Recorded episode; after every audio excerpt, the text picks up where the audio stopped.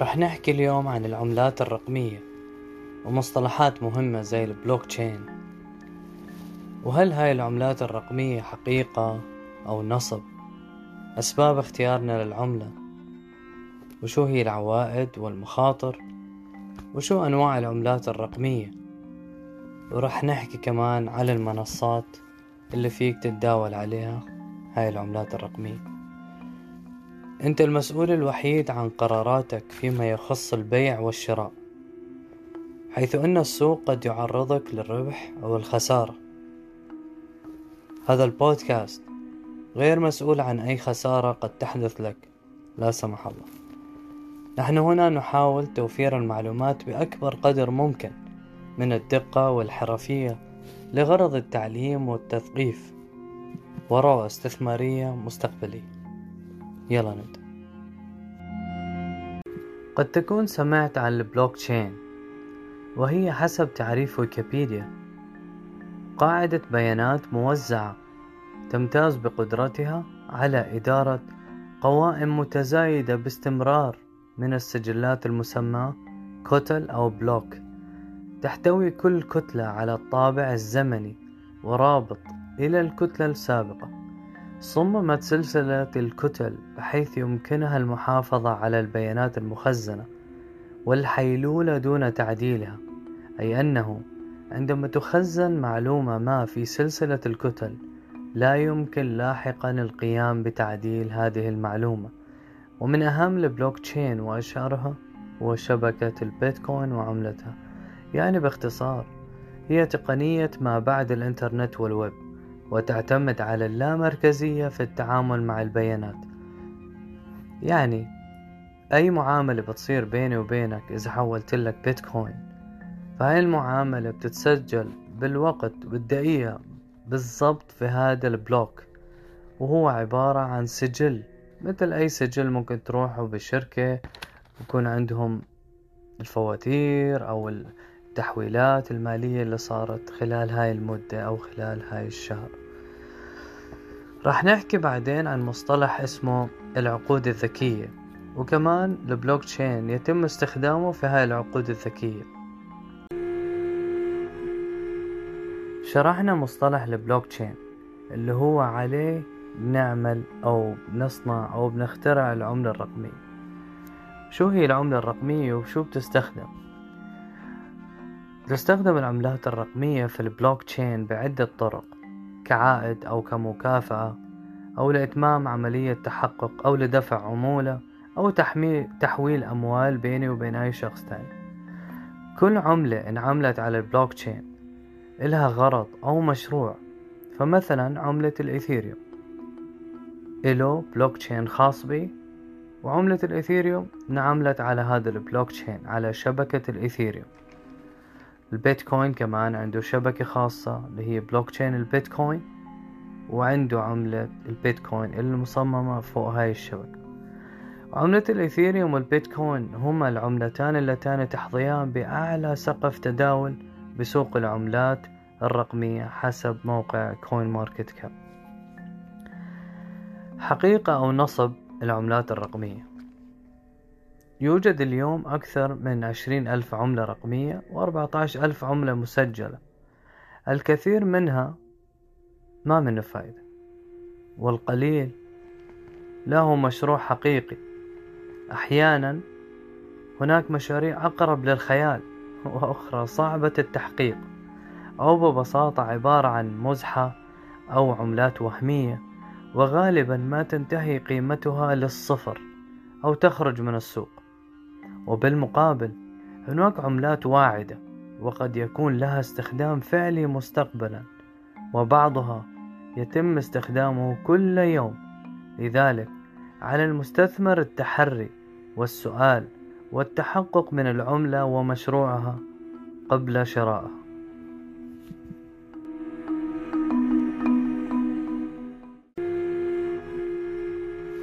كيف أشتري العملات الرقمية؟ وشو الأشياء اللي لازم أركز عليها؟ أول شي عنا اليوتيوب. موجود أشخاص مختصين بهاي الشغلات وشاطرين كيف يقرأوا العملات لكن بالمقابل راح تلاقي ناس نصابين وشركات أو عملات تدفع لهم مصاري لحتى يروجوا على عملتهم اللي ممكن تكون وهمية أو على الأقل مش هناك مشاريع أفضل أن تستثمر فيها بدل هاي العملة. النقاط راح أذكرها أول شيء اللي لازم تركز عليه. في ورقة المشروع اللي هي تسمى white paper وبتلاقيها بموقع العملة نفسها. وهي تشرح فكرة المشروع وتعتبر مثل وثيقة المشروع. تتأكد أن العملة حلال أو حرام. أه تدخل على موقع العملة بتشوف العدد الكلي للعملة وهل هاي العملة عندها قدرة أن تنتج أعداد أخرى أو عملات أخرى بأي وقت أو أنه هذا العدد الكلي وخلص لهون. فيك تتابع الشركة أو العملة على تويتر وتشوف الكوميونتي تبعها. هل هذه العملة بتحظى بشعبية عالية؟ وطبعا مو دائما الشعبية بتعكس قيمة العملة لكن هاي نقطة مهمة إنه أنت تشوفها.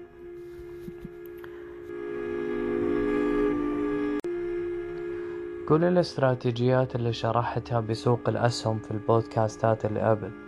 هي نفسها بتنطبق على سوق الأسهم وهي ال dollar cost average اللي هو مبلغ ثابت كل أسبوعين أو كل شهر يتم استقطاعه من الراتب واستثماره في هذا السوق أو في سوق الأسهم. يفضل الاستثمار على المدى الطويل وهو long term investment ولا يفضل شراء أي عملة عند ارتفاعات السوق الجنونية بالذات اللي بتحدث بهذا السوق. شو المخاطر اللي بتصير في سوق العملات الرقمية؟ أول شي ممكن المشروع اللي أنت اخترته يفشل. لذلك اختر بعناية بعد بحث وتحقق المشروع اللي راح تنوي تستثمر فيه. إغلاق أو تعطل أو اختراق المنصة اللي أنت بتتداول فيها. ولكن معظم المنصات طبعا لديها تأمين لكن ممكن أن يحدث.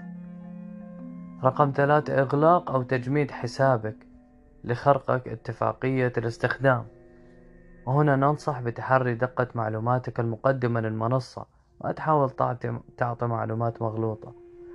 رقم أربعة انهيار السوق وهو احتمال بعيد جدا لأنه المستقبل برأيي الشخصي لكن وارد حدوثه. وإن حدث ذلك سيعود السوق في الدورة القادمة اللي هي غالبا كل أربع سنين. نفس سوق الأسهم مثل ما في شركات مختصة بالكهرباء أو بالفضاء أو بالمشتريات أو بالألعاب كمان بعالم العملات الرقمية في sectors خاص لها. في عملات مستقرة في عملات memes في عملات مختصة بالألعاب. وفي عملات مختصة في العالم الافتراضي اللي هو الميتافيرس. وفي عملات مهتمة بال supply chain عشان هيك بنصح مرة تانية دائما بالتنويع. وما نركز على عملة بس مهتمة مثلا بالألعاب. ونظل نستثمر بخمسة عملات في نفس مجال الألعاب. راح أشرح العملات المستقرة. هي عملات رقمية بيكون سعرها واحد دولار. لأنها مدعومة بالدولار. يعني ما بتتحرك ولا بتتغير بتأثر السوق.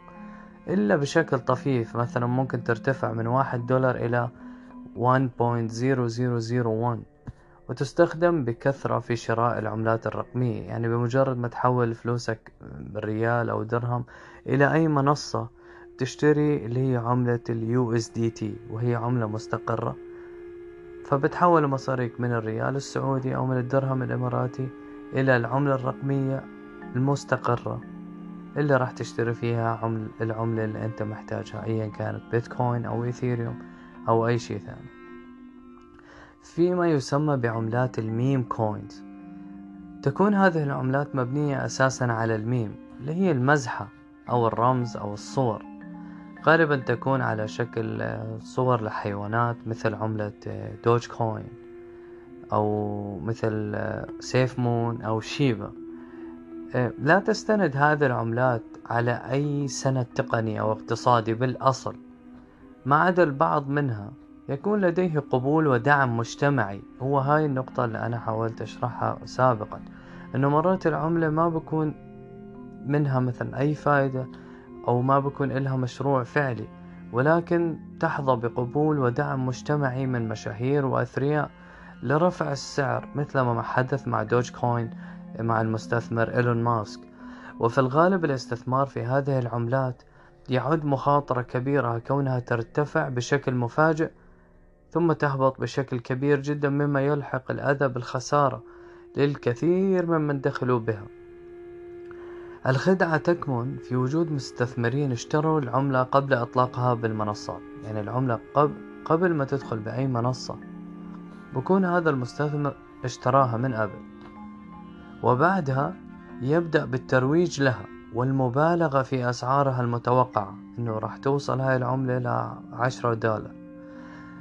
لينجرف وراءها المستثمرون الجدد أمثالنا ويشترونها من المستثمرين الأوائل بعد الإطلاق.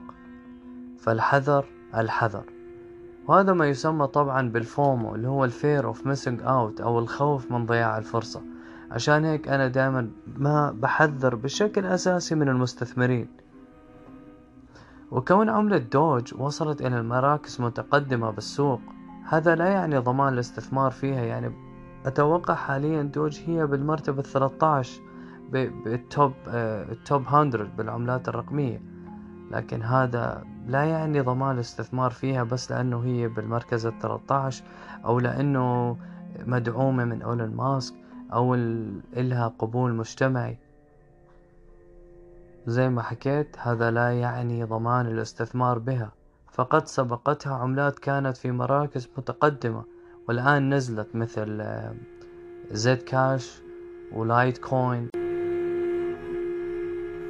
أهم وأشهر منصات التداول إذا كنت بعدك جديد وبدك تدخل سوق العملات الرقمية. عندك منصة Binance Coinbase كل المنصات اللي راح أذكرها هون راح أحطها بصندوق الوصف. Binance و CEX.IO و Coinbase Gate.io و Rain و BitOasis إذا كنت بالإمارات ف BitOasis هي منصة إماراتية مرخصة. تحتوي على عملات عملات رقمية أكثر من من منصة Rain وهي منصة بحرانية بحرينية معتمدة من مصرف البحرين. حسب تجربتي أنا استعملت منصة Binance وهي أشهر وأضخم المنصات آه، في قيمة التداول. تحتوي على عملات رقمية كثيرة توفر واجهة باللغة العربية كمان. آه، مشكلة منصة Binance إنه بالفترة الأخيرة صار عليها هجوم. إذا كان مبرر أو غير مبرر عشان هيك أنا دائما بنصح إنه تكون عملاتك موزعة على أكثر من منصة. لما بدك تقارن منصات التداول حاول تشوف العملات اللي أنت بدك إياها هل هي موجودة بهاي المنصات أو لا. أه هل هل لما تفتح حساب بالمنصة وتحاول تسحب أرباحك هل بياخذوا fees عالي أو لا؟ هل مرتبطة أي أي من المنصات اللي راح تختارها بال checking account تبعك أو لا؟ وطبعا الترخيص إنه تكون مرخصة ببلدك وما يكون عليها مشاكل آه، على الأقل لسهولة التواصل معهم في حالة حدوث أي خلل أو مشاكل استرجاع أموالك. باختصار خارطة طريق الاستثمار بالعملات الرقمية تفتح حساب بالمنصة بعدين بصير التوثيق بكون عبارة عن توثيق هويتك أو جواز سفرك بتودع أموالك من بطاقتك البنكية للمنصة تشتري العملات دايركت أو حسب المنصات. مرات تضطر تشتري العملات المستقرة اللي شرحتها. بعدين تشتري العملة اللي بدك إياها. الانتظار لحين ارتفاع السعر ثم البيع بربح مقابل عملة مستقرة أو عملة دولية ثم تحويل هذه الأرباح أو هاي الأموال إلى حسابك البنك